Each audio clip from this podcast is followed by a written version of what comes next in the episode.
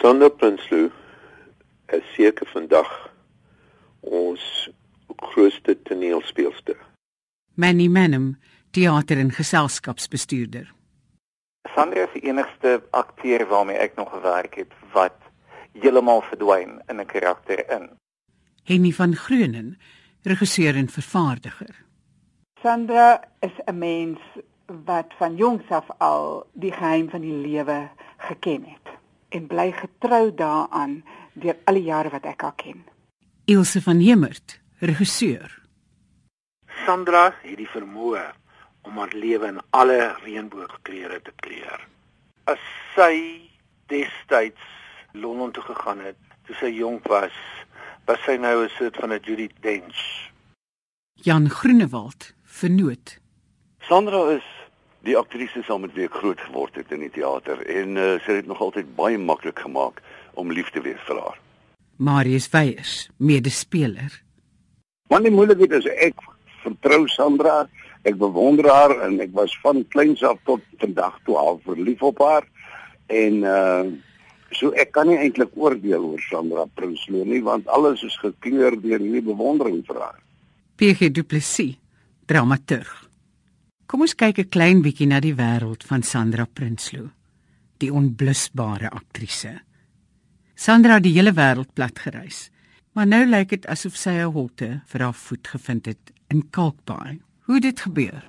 Jy weet maar ek het altyd gedink as ek nou uit die destydse Transvaal uit Gauteng uit sou trek en ek in die Kaap kom bly, want ek wou altyd eintlik in die Kaap kom bly het, maar dan gaan ek op die see bly. En ek het eendag hier verbygery op soek na 'n huis. Toe besluit het om af te trek Kaap toe. En ehm um, ek het na 'n klomp huise gekyk oral in die Kaap op die see. Ek het eers begin by Gordons Bay en ek het so om begin werk en so. Toe ry ek verby hierdie huis en ek sien die huis is in die mark.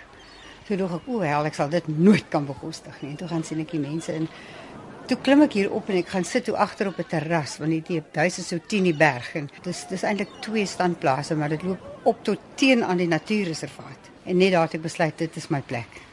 Ek moet hierdie plek hê en dis ek. Wat verkies jy die bos of die see?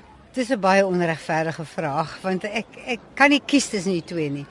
Vir my sou die ideaal wees ek het die bos en die strand. Ek het al baie daaraan gedink om die suide van Tansanië dalk 'n plek te kry waar die leeu's nog op die strand loop. Maar dis nou nie moontlik nie. Elkeen het sy eie bekoring. Ehm um, elkeen beteken vir my iets anders, maar in elkeen van hulle vind ek werklik seker my menswees. Ek vind dat ek in 'n toestand ingaan waar ek eintlik mediteer. As ek op die see is, veral as ek seil of duik. Duik is een, een van my groot liefdes ook. Of as ek in die bos net sit, jy weet, of in die bos stap, dit is vir my ek kan amper nie verstaan hoekom mense in die beskawing wil of moet leef nie. My hartshuis is op verloren vlei. Ek het so Waar's verloren vlei? uh Weskus, dit is net binnelands van Elandsbaai. Mond uit in Elandsbaai. So ek is so 3 km van die see af. Dit is 'n wonderlike plek. Um dis 'n internasionaal erkende voëlgebied. En daar is ongelooflik baie voëls, maar ek het besluit om daar 'n projek te doen. En dit was baie jare gelede, nie baie mense het dit al gedoen nie. Toe ek vir myself 'n groen huis daar gebou het. Ek het 'n huis uit kafbale gebou, uit klip, uit klei, uit modder en uit uh, riedak. Um en dit is dis 'n dis moeilik om vir mense te beskryf wat daardie huisie aan jou doen. Dit is baie eenvoudig. Dit is 'n lang huisie soos hulle altyd op die Weskus het. Maar vir my is dit soos om in 'n baarmoeder te lewe. Die hele huis haal asem. En mense wat daar bly sê vir my hulle het nog nooit so 'n helende plek gebly nie. En vir my is dit 'n plek van heling. En dikwels snaaks genoeg as die ergste dinge met my gebeur het in my lewe, was ek toevallig in die huis of naby die huis sodat daar altyd onmiddellike heling kon plaasvind. Ongelukkig het ons elektrisiteit. Toe ek die huis gebou het, was dit net ondenkbaar duur om alternatiewe krag te gebruik, maar ek is op op nou op soek na alternatiewe metodes. Daar's daar's so baie om van te kies deesdae en my huis sal binnekort heeltemal onafhanklik wees van Eskom. Water sal ek altyd hê, maar dit is grondwater basies wat ons daar gebruik. Ek weet sonder water kan 'n mens nie leef of of wees nie. Maar verder is die huis heeltemal groen. Ek het altyd gevoel dat sê nou maar iets gebeur, sê nou maar daar is 'n groot vloed of daar's 'n aardbewing of daar's 'n brand of iets, dan moet daar niks oorbly in die natuur van wat ek as mens gemaak het nie. Dit moet teruggaan na die natuur toe. Toneel was nie aanvanklik deel van jou toekomsdrome nie. Hoe het dit gebeur dat jy in die dramaskool beland het? Dis eintlik werklik 'n ongeluk gewees tot tot 'n groot mate. Ek het 'n vriendin gehad, Ida Visser, en sy het spraak in drama geneem privaat, jy weet op skool. En toe ek nou universiteit moet gaan, toe dog ek ek gaan tale doen want ek is altyd baie lief vir tale. Ek lief vir Frans gewees vir Engels. Maar net toe kom sy na my toe en sê sy het nou hierdie drama departement begin. Dis nuut. Anna Netling Pool gaan daar wees en ek en dis die enigste naam wat ek geken het. Ek het nog glad nie van die ander mense gehoor nie en sy gaan daai drama kursus volg. Toe sê ek nou maar wag het ek 'n bietjie kyk na die kurrikulum en toe sien ek nee maar daar's allerlei goed in so skerm en bewegingsleer en en ek kan nog tale doen as ekstra hoofvakke dit maak nie saak nie. Toe was jy in die eerste groep drama studente aan die Universiteit van Pretoria. Ja, en dan nog 'n vrugbare groep. Men daar het baie mense um, uit daardie groep gekom wat vandag nog bekend is. Mense soos jy Margaret, mense soos Katinka Heinz, soos George Balot, soos Niels Kutsie, soos Larina Erasmus. Um, ek hoop net laat iemand nou uit nie. Dit is ongelooflik dat daar in daardie jaar so baie mense was wat nog aangegaan het met loopbane, verskeie loopbane en hulle merk gemaak het daarin. Nou ja, toe weer sien toe vir hulle vir my om te speel. Sy was 'n baie belowende baie pragtige jong blondine en 'n baie goeie aktrise uit uh, Pretoria Universiteit. Ek het glad nie 'n stem gehad nie. Fransa Swart het my geforseer om ekstra klasse te loop by Leonie Pinaar. En vind toe eers jare later uit 'n stuk Pinaar se ouste suster. En sy was ongelooflik en sy het sy het vir my uiteindelik daarom 'n stem gegee. Frans swart en ek was in beheer van die uh trektoneel geselskap. Dit was die Afrikaans, die Engels, die jeugtoneel, skole toneel en so aan. Was Frans was swart jou belangrikste mentor? Ek sou sê in die begin definitief Frans was swart. Ja, Frans was 'n ongelooflike mentor vir my. Frans was 'n uh, baie baie sterk leier en 'n veel eisende regisseur sal almal sê. Maar met spelers soos Sandra het hy net gevind presies, jy weet, as Sandra 'n rol gespeel sê ek, as ek Sandra het, dan weet ek dit gaan reg wees. Dit was ook altyd so, jy weet, hulle het mekaar heeltemal verstaan en sy kon doen alles wat Frans wat vereis het. Dit was lekker vir my om saam met Frans te werk want hy hy het altyd ek het altyd gevoel hy stoot vir mense verder as wat jy natuurlik sou kon gaan. Jy weet hy het, hy het werklik jou jou jou grense verskuif. So hy was 'n ongelooflike belangrike mentor. Ek dink my eerste hoogtepunt in my loopbaan was toe ek ehm um, die rol van Eurydice gekry het in Kringloop van die Liefde van Jean Anouilh. Ek en Marius het daar uh, teenoor mekaar gespeel. Ek weet egter van hoof en hulle het nog daai tyd gesê, "Jong Frans, is jy seker? Hierdie twee is dan nog baie nat agter die ore. Gaan hulle dit?" En hy het baie hard met ons gewerk en ek en Marius het baie hard gewerk. Dit is wat fantasties was van Marius. Hy het nooit omgegee om na ure terug te gaan teater toe nie. Ons het elke aand Nou as 'n hele dag gerepeteer, teruggegaan teater toe en weer gerepeteer en weer gerepeteer. Dit was ons twee se se eerste groot romantiese rolle teenoor mekaar. Frans het toe vir my en Sandra uh die rolle aangebied en hy het vir ons gesê op een voorwaarde julle werk julle besimpeld want daar's baie wat van julle gevra gaan word. Hy het vir my en Sandra gevat en voorstelle gemaak van wat ons moet werk aan ons stemme en beweging en wat ook al.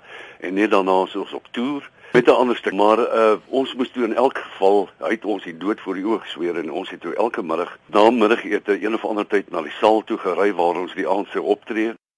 Of somme ek onthou soms somme net in die veld ingery met die kombi en dan daar ons stemme gaan oefen. En ons het hard gewerk daaraan en uiteindelik was dit 'n ongelooflike ervaring geweest uh, Die heel eerste keer wat ons saam gespeel het was laaste van die Takhare waar uh, ek en sy soentoneel moes doen. En Janie Gildenhuis die regisseur het eendag vir ons gesê jong julle julle twee ek ek weet niks van liefdestonele nie gaan gaan doen dit op julle eie. En ek en die groentjie Prinsloo is daar uit na die foyer toe en toe ons by die soentoneel kom toe sê sy 'n uh, ma mens maak seker net of jy soen nee. Sê nee nee Sandra jy doen jy doen dit for real jy weet dit, dit moet reg wees en sy toe gelukkig geval daarvoor en uh, van toe af het ons aangegaan maar ons het toe albei saamgestem daarna in elk geval dit is nie iets wat 'n mens gaan uh, verneek nie nie nie in enige sin nie wat jy op die verhoog doen moet reëel wees jy moet dit kan glo sodat die mense dit kan glo ons het so so goed geklik, jy weet. En dit was so maklik geweest natuurlik om verliefdes te speel want ons het van die begin af baie goed klaar gekom. Ek het vir Manny Manum gevra watter produksie met Sandra in vir hom 'n hoogtepunt is. Sien in die suburbs. Met sien in die suburbs. Met sy en Marius daai ding begin waar die vonke gespat het tussen die twee van hulle op die verhoog. En uh, waar sy en Marius byes uh en die hele geselskap, maar sy en Marius veral toe hulle op baie motorfiets spring Ek dink dit het by die 18 maande geloop in een of ander plek in die land. Dit was ook die ontdekking van PG Du Plessis as een van die groot skrywers van ons tyd. Dit was na Nag van 9 waar hy bekend geword het. My eerste stuk Nag van 9 het nie 'n vrou in. En uh ek het al so gehoop Sandra sou eendag 'n stuk van my speel. François Swart was 'n tiran, hy was 'n tiran wat die teater aanbid het, jy weet. En hy het sy hy klomp jong mense gevat en hulle in 'n paar jaar so opgeneem dat hulle almal sterk professionele spelers was. En toe hy nou daar by my aankom met die rolverdeling, toe het ek amper oor die dak gespring. Ek kan nooit vir PG genoeg dankie sê vir Timmy nie. Ek dink dat Timmy het vir my 'n baie groot hupstoot in my loopbaan gegee. En ek dink nie daar was al ooit weer 'n siener in die suburbs wat dit kan ewenaar nie. Wat fantasties is van Sandra is sy kan komedie, tragedie en alles tussenin. Oh, good morning Mrs Van der Walt. Wat maak jy hier? Ek dog jy gou vandag uitgaan. Gister het die wind so gewaai dat ek kou gevat het. my my bors.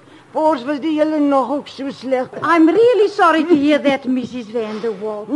Ek hoor dan altyd die mense sê die see air is so goed vir 'n mens se help. Mm, dis wat dokter Pilsen ook gesê het, maar ek glo nie. Ek was maar vir altyd afsiekerig geweest.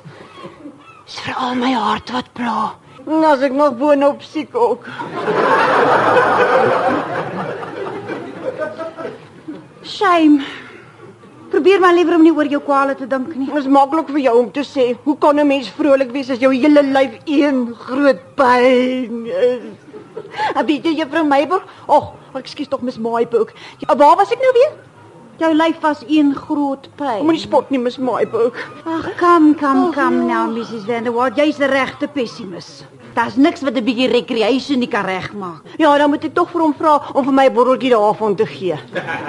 'n Botteltjie waarvan? Daardie goed wat jy nou net gesê het ek moet vat. Recre obation. Good gracious, how killing. oh, recreation. Is geen medisyne nie, Mrs. Benewell. Dis um dis 'n huh? Well, I don't quite know how to explain it. Uh, toe ons die mark geopen het. Die die eerste opening was in die klein teater bo wat nou die Bani genoem word. Ons eerste produksie was uh, The Seagull in Engels en Sandra was daarin. Dit was my ongelooflike hoofdpunt want Bani het so 'n ander manier gehad van werk. Hy het ons in die strate uitgestuur en die toneel waar ek moet roep, het hy my laat loop in die strate en uit vensters uit roep oor 'n straat terwyl hy daar rondloop. Jy weet dit was baie ander manier van werk. Dit was baie, baie meer soort van the method geweest en dit was dit was regtig 'n groot hoogtepunt vir my. En toe ons die groot teater open met Marat Saad, het Sandra uh, een van die drie hoofrolle gespeel terwyl ons nou nog besig is met jou loopbaan, jy het nie net verhoogwerk gedoen nie. Jy het baie televisiewerk gedoen en baie radiowerk selfs gedoen. Ek is mal oor radiowerk. Ek regtig waar. Ek, ek sê dit nou net omdat jy hier sit nie. Ek dink werklik waar radio is een van my geliefkoeste mediums. Ek is mal oor radio. Ek luister baie radio ook eerder as wat ek televisie kyk. Die een radiodrama wat in ons argief lê is NP van Wyk Lou se lewenslyn waarin jy gespeel het. My werk, dit dit was lank gelede. Ek onthou bitter min daarvan wie jy maak, maar ek onthou, ek onthou vir Monica Breed wat die regisseur was en sy het mense was so 'n groot naam, groot. Dit was my ongelooflike eer om onder haar spelleiding die stuk te doen. Ek dink ek was seker doodsbang geweest. En ek kan bitter min daarvan onthou want dit is net te lank gelede, maar dit was 'n wonderlike ervaring om onder haar te werk. In radioteater luister jy nou na Lewenslyn deur NP van Wyk Lou. Dames en here, hierdie sensasionele doderit word gery binne 'n silinder van deurskynende plastiekglas. U sien dit van buite af. U sien hoe Esmeralda binne die glas teen die muur opstyg.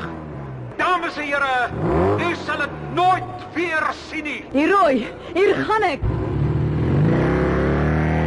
Daar begin sy. Sy klim.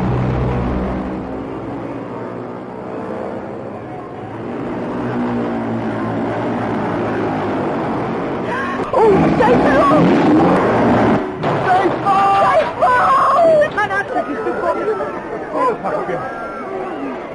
Van haar dokter. Dokter.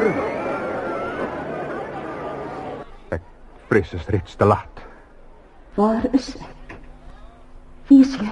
Sê maar ek is die selekteerder hiervan. Ek wil weg hier. Ek voel al weer gesond. Ek ek het my werk die mense in die sirkus wag. Deur is toe. Gesluit. Wat reg het jy? Maak oop. Almal is eers boos.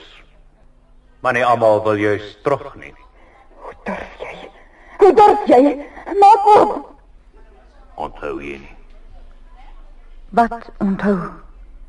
hoe jy hier gekom het? Ek het uitgeskiet bo die silinder. Hier Dit is hier. is ek. Dood. Ja.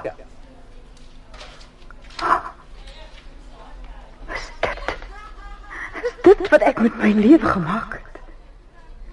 Drif, wrok, wil, begeer. En in drif, begeerte, wrok het dit geëindig. Orlof. Orlof. Nou, Willie, Anna, Ansie. Laat my uitkom. Terug gaan ek. Ek, ek moes alles anders gedoen het. Ek ek wou anders gedoen het. Ek ek wou anders wees. O, oh, ek ek het verskriklik verkeerd gemaak. Ek ek wou skoon, hoog. Ek wou rein, ek wou heilig lewe. Nie so eindig. Laat my uitkom. Laat my terug gaan. Ek ek wou dit anders gedoen het, so anders. Eintlik wou jy nie. Rachel Greef se drama Die Naaimasjien het 'n baie groot invloed op Sandra se loopbaan. Henny van Greunen is die regisseur en vervaardiger daarvan. Kyk, ek het ehm um, die naaimasjien in uh 2009 geraak geloop. Ek het elke akteur gesien, elke vroulike akteur tussen 40 en die dood. Ek het ook 'n paar gebel wat ek gesê het, ehm um, asseblief julle in kom en kom lees, nee, 'n paar jy weet sort of A-list akteurs. En wat my interessant was was twee van die akteurs het vir my duidelik die idee gegee dat hulle word rolle aangebied. Jy weet hulle kom lees nie vir rolle nie. Mm. Maar dit was my ontsettend belangrik dat ek en die akteur dieselfde lees van die teks het. En Sandra Prinsloo, being Sandra Prinsloo, het sy vier dat sy teks voorberei, sy het in elkaar geklim in Kalkbaai en sy het deurgery na my huis in Riebeek Wes en sy het kom lees. En binne 4 sinne het ek geweet dat Sandra Prinsloo is die persoon vir die werk. Sy pa het om die huis belet. Wim was toe tweede jaar medies. Tielman het gesê hy sal die mense nie weer in die oë kan kyk nie. Hy het vir weke lank in die studeerkamer op die divan geslaap. Hy was kwaad vir my. Kos vir hom aangedra. Is dit God se idee van 'n grap? 'n Seunskind wat 'n meisiekind wil wees. Ek het ook eers so gedink. Dat Wim Susanti sy tweeling wou wees. My swangerskap. My fout. My skuld. Maar Wim het met die verloop van tyd alles verduidelik. My kind. Wanneer het jy dan ontdek dat jy lesbies is? Ai ma. nie lesbies nie. En hoekom ek nie moet praat van sissie en moffie en trassie nie? Reguit is gelyk aan goed. Skief is gelyk aan sleg. Wit is goed. Swart is sleg. Sy is baie noukeurig daarmee dat die karakters wat sy aanpas, sy sy verander heeltemal fisies en dit help haar die proses, jy weet, dit help haar aan om die innerlike van die karakter te access. Sandra is 'n verskriklike intelligente vrou en nie net ehm um, kognitief nie, ook emosioneel. Sy het 'n sterk emosionele intelligensie wat baie handig te pas kom as dit kom by 'n karakter. Sy's slim genoeg en sy is verseker genoeg in haar ego om te weet presies waar sy inpas in die food chain wat Afrikaanse teater is of Suid-Afrikaanse teater is. Maar haar ego is sterk genoeg om glad nie egoïsties te wees. Daar is geen tantrums nie. Ek dink sy het 'n verskriklike goeie neus vir 'n goeie rol. Jy het 'n vertaling van die naaimasjien Edinburgh toegeneem. Hoe dit verloop? Sandra Prinsloo in Suid-Afrika het het currency. Sy is 'n Prinsloo. Almal weet van haar, almal weet wie sy is. Um wêreldwyd nie noodwendig so nie. So vir 'n akteur van haar statuur in Suid-Afrika om te pak en 'n maand te gaan speel in Edinburgh waar sy een van duisende akteurs is en die mense weet nie van haar nie en sy het binne die eerste week het sy daai skotte uitgebal. Elke 5-ster resensie wat ons gekry het oor die Nine Machine het gefokus op haar spel. Die een meisie het gesê, um this is the best female performance that I've seen at the festival for the past few years. Sandra het wel dekades gelede in Edinburgh opgetree met Miss Julie. Miss Julie was vir my meer 'n uh, dit was vir my nie so 'n artistieke hoogtepunt as wat dit miskien 'n soort van 'n sosiale hoogtepunt was in in 'n tyd wat jy weet jy weet jy weet die hele polemiek om Miss Julie die Baxter teater vir my gevra of ek uh, Miss Julie sal speel teenoor John Carney. En ons het daar gepraat en ons het gedink dat in Suid-Afrika was die enigste manier was om dit swart-wit te doen. En ek het nou regtig nie gedink daar gaan so vreeslike polemiek daaromtrent wees nie. Ek gedink daar gaan mense wees wat fisies maar ek gedink ek gaan maar die ver regses wees. Maar toe verskyn daar 'n foto van my en John Carney in 'n amper kus. Daai soen. En toe ontplof die hele wêreld. Toe wou almal my doodmaak, my kar opblaas en noem allerlei name en dit was nogal erg geweest. Ons het polisie beskerming gehad. Uh, ons mag net in twee teaters gespeel het in die ehm um, in die Baxter en in die Mark. En daar was bomdreigemente. Ek het een aan vir Bobby Henie gekry. Dit was nogal vreemd en snaaks. Waar Bobby Henie onder die tafel rondgekruip het met 'n flits. En Miss Julie somt die hele tyd op die verhoog. Sy kom net af vir daai kort rukkie. En ehm um, ek kom agter die verhoog en ek sien hier's Bobby op sy knie met 'n flits. Ek sê hom Bobby, what are you doing? Hy sê vir my, "Doesn't matter. Just go on." Ek sê, "No, what are you doing?" Hy sê, "I'm looking for something." Ek sê, "But what are you looking for?" Hy sê, "A bomb." ek sê, "Well, thanks." Daar was baie was baie sulke dinge gewees. Bobby was die regisseur. Bobby Henie was die regisseur gewees, ja. En ons is toe ook Edinburgh toe met die stuk. Ehm um, waar ons in die op die hooffees daar gespeel het wat nog 'n 'n wonderlike ding is om genooi te word na die hooffees. Jy weet dit is dit is nie sommer sit nie in enige produksie se se broek om hooffees toe te gaan nie. So dit was lekker, maar ek dink die stuk het meer betekenis hier gehad. Die gehore was vir my ongelooflik hoeveel mense my hand kom skud het na die tyd en gesê dankie, dankie vir wat jy vir ons gedoen het. En die gehore was ek sou sê 80% swart um, in Indiër en bruin gewees. En ja, ons het natuurlik eendag in die markteater het ons geweet daar gaan iets gebeur wanneer 'n klomp mense aangekom in aandrokke en lang handskoene en gedoende kapsels. En teen daai tyd het niemand meer so aangetrek vir 'n openingsaand nie. Jy het maar so van gegaan soos jy maar net in die dag lyk half, jy weet. Nou was 'n groot groep geweest. Ek dink daar was omtrent 80 geweest. En toe skielik op die verhoog waar ek terugkom na die sogenaamde sekstoneel wat jy nou nie sien nie, jy weet dit gebeur agter die die die verhoog. Kom ek terug. Toe staan hulle soos een man op en hulle loop uit. Maar die gehoor was fantasties want hulle net ons het net stil gebly en hulle het net so stadig uitgeklap. Sê toe loop nou maar, jy weet nie toe. Ehm um, vir ons aangewys ons moet aangaan en ja, so sulke dinge het nogal baie vir mense beteken op 'n persoonlike sosiale vlak, jy weet wat ek bedoel dat dat jy gevoel het jy het mense geraak. Jy het later met industriële teater begin. Hoekom? Basies omdat druk gevou het daai tyd en jy weet een vir een het die streeksrade gevou is hulle toegemaak en ek het gesien dat hier moeilikheid kom dat 'n mens moeilike bestaan gaan maak want ek het baie maar my bestaan gemaak uit die streeksrade en dan uit die markteater en die Baxter teater en, en so en ek het gesien hier gaan moeilikheid kom En ek het gewonder hoe die duiwel gaan ek dit oorleef. En toe gaan ek Marokko toe snaaks genoeg. En in Marokko was dit die 8ste vroue vigskonferensie. En ek het van die mense daar ontmoet en ek was eintlik regtig begeesterd met wat daar aangaan. Ek het besef hoe min daar op daardie stadium nog gedoen is om die boodskap van vigs te versprei in Suid-Afrika. En toe noem iemand vir my dat hulle teater gebruik om 'n boodskap aan die werkers en aan die massas oor te bring. En toe het ek gedink nou maar hoekom die duiwel doen ek dit nie in Suid-Afrika nie.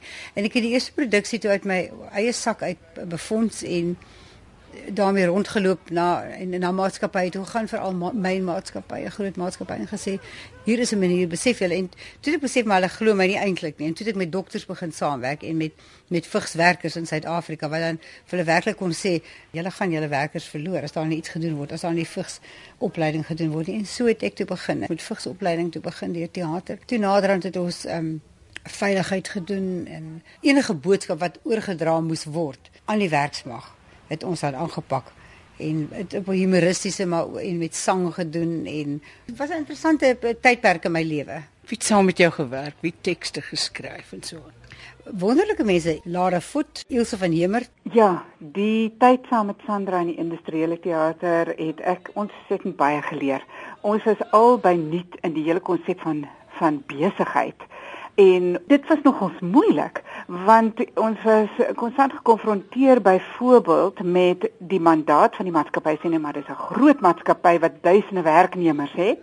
Dan kom ons agter dat die boodskap wat ons moet oordra is eintlik van die bestuurders af om die werkers gelukkig te kry met watter voorwaardes ook al hulle mee moet saamwerk sonder dat hulle ekstra vergoeding daarvoor gaan kry. Langer ure meer um, toewyding ensovoorts En ons het dikwels het ons mekaar in die oë gekyk en gesê kan ons hierdie boodskap so oordra? En dan het ons teruggeveg en gesê ons sal net hierdie teater doen. Ons kan net hierdie storie vertel as ons albei kante van die saak kan stel. En ons moes telke male moes ons nogals ehm um, vreeslik fyn onderhandel om dit te kan regkry, want ons het bly glo teater moet die waarheid vertel.